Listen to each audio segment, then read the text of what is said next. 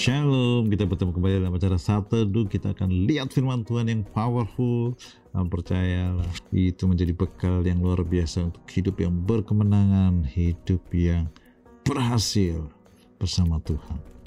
Dari Matius 13, itu Tuhan Yesus mengajar murid-murid tentang perumpamaan seorang penabur. Wah, luar biasa. Ini ini luar biasa sekali ya. Kita kalau belajar tentang orang yang mengenal Tuhan kita kadang-kadang bingung ini. Sama-sama ikut suatu KKR mungkin suatu ibadah di gereja kemudian sama-sama mulai uh, hidup baru bersama Tuhan. Tapi kok ada suatu yang hidupnya semakin dekat kepada Tuhan dan saya yakin hidup yang dekat dengan Tuhan pasti berubah semuanya sesuai dengan firman Tuhan dan Tuhan janjikan hidup yang berkemenangan. Tapi ada orang yang wah kelihatan semangat tapi kemudian kita nggak tahu dah gimana hidupnya. Atau bahkan ada yang kemudian nggak ada pengaruhnya nggak ada nggak ada perubahan sama sekali. Bahkan hidup lebih jahat daripada orang yang belum mengenal Tuhan. Ya seperti itu ya. Perubahan seorang penabur jadi sang penabur menabur benih ada yang jatuh di pinggir jalan ada yang jatuh di tanah yang berbatu-batu ada yang jatuh di tanah yang ada semak durinya kemudian ada yang jatuh di tanah yang subur menghasilkan buah 160 30 kali lipat di Matius uh, 13 ayat 19 dikatakan orang yang di pinggir jalan itu orang yang mendengar firman kerajaan surga tetapi tidak mengerti. Karena tidak mengerti datanglah si jahat merampas yang ditabur dalam hati orang itu dan merampas benih firman ditaburkan dalam hati orang ini. Jadi dikatakan sini dengar firman tapi nggak mengerti. Ya, kenapa nggak bisa nggak mengerti? Ya, duduk sama-sama di ibadah yang satu dapat pewahyuan, udah happy sekali dapat kekuatan dari firman Tuhan, yang satu bengong. Penyebabnya apa? Penyebabnya karena nggak punya fokus tidak menyediakan hati dan pikiran untuk mendengarkan firman Tuhan. Gak bisa sambil lalu. Kita dengar kuliah dengan lalu saja tidak bisa lulus ujian, tidak dapat apa-apa, ya kan? Yang kedua adalah mereka yang uh, seperti benih yang ditabur di tanah yang berbatu-batu. Mendengar firman, menerima dengan gembira. Ah, ini orang Kristen penggembira kelihatannya semangat, gembira, waduh enak sekali firman Tuhan. Tapi dikatakannya seperti firman jatuh di tanah yang berbatu-batu, artinya tanahnya tuh tipis, banyak batunya daripada tanahnya. Sehingga ketika ada penindasan atau penganiayaan karena firman. Jadi yang dianiaya bukan orangnya tapi firmannya. Kemudian segera murtad. Waduh, Tuhan Yesus katakan murtad. Murtad itu artinya ya udah meninggalkan Tuhan. Artinya kalau mendengarkan firman Tuhan, mendengarkan lalu gembira dan semangat, itu belum berarti dia itu terus mengikut Tuhan. Karena tanahnya dangkal, gak berakar dalam. Jadi kalau kita mengikut Tuhan itu hanya di permukaannya saja, yang happy-happy, yang berkat-berkat, yang senang-senang saja. Begitu ada penganiayaan, yang dianiaya di sini bukan orangnya ya, firmannya. Artinya misalnya begini, waduh dapat ajaran ayo kita beri maka engkau akan diberi. Wah saya mau hidupnya sukses secara perekonomian, saya harus memberi.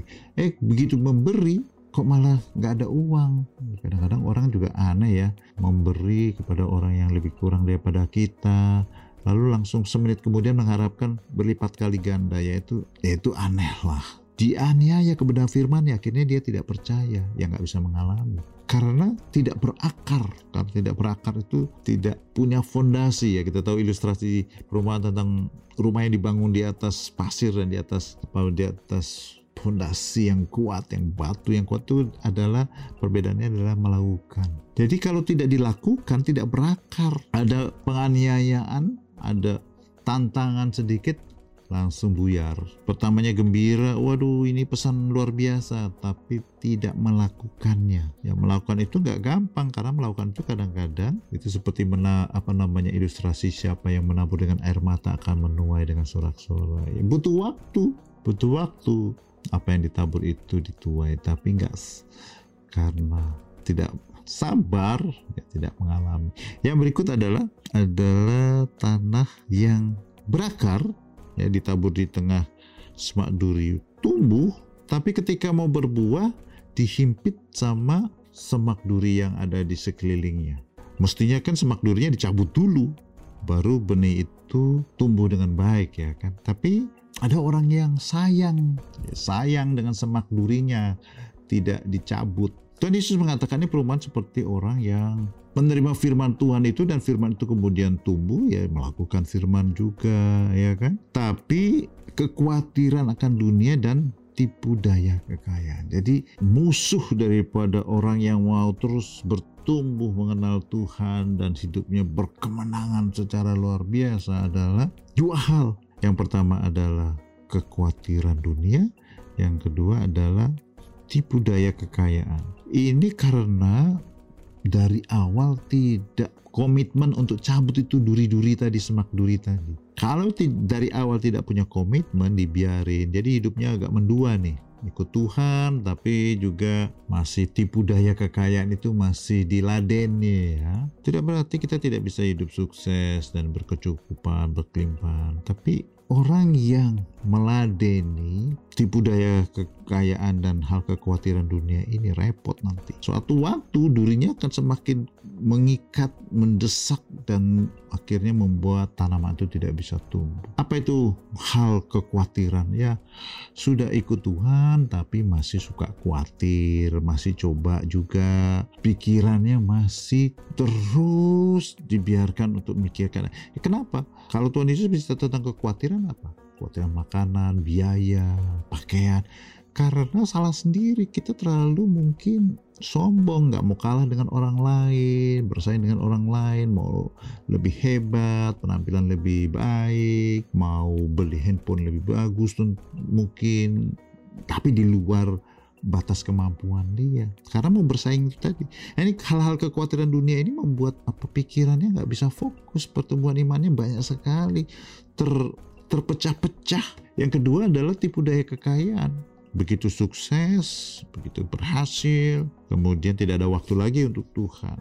Ya kita tahu humor cerita ya orang punya diberkati dengan mobil mewah, akhirnya bukannya satu dulu tapi bangun pagi pertama-tama dia bersihin tuh mobilnya itu dia mandiin mobilnya itu dia cuci mobilnya lebih peduli mobilnya daripada Tuhan daripada keluarganya daripada apa pun juga ya macam-macam tipu daya kekayaan ini yang jelas segala kekayaan yang membuat kita menggunakan kekayaan itu untuk hal-hal yang akhirnya menjadi berhala kita Bagaimana kita tahu itu berhala ketika kita menghabiskan banyak waktu, perhatian, dan hati kita untuk hal itu daripada untuk Tuhan.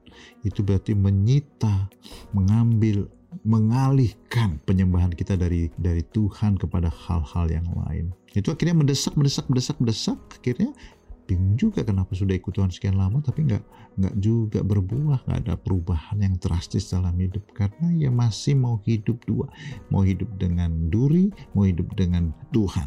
Nah yang terakhir adalah yang ditaburkan di tanah yang subur. Artinya apa?